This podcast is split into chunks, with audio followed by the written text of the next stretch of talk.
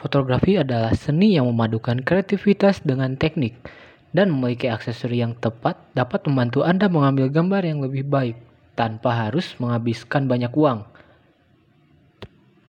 Berikut aksesoris-aksesoris di dalam fotografi.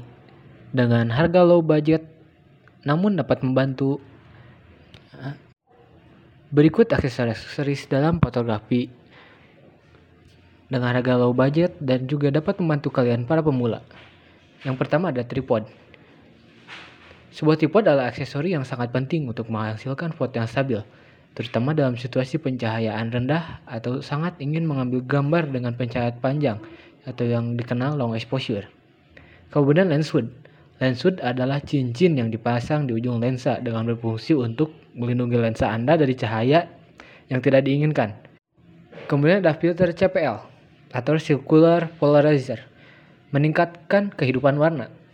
Filter CPL ini membantu mengurangi pantulan dan meningkatkan kontras serta situasi warna pada langit dan benda-benda yang tidak diinginkan cahayanya. Seperti air atau daun hujan, filter ini akan menghasilkan dampak dramatis. Keempat, ada lensa tambahan.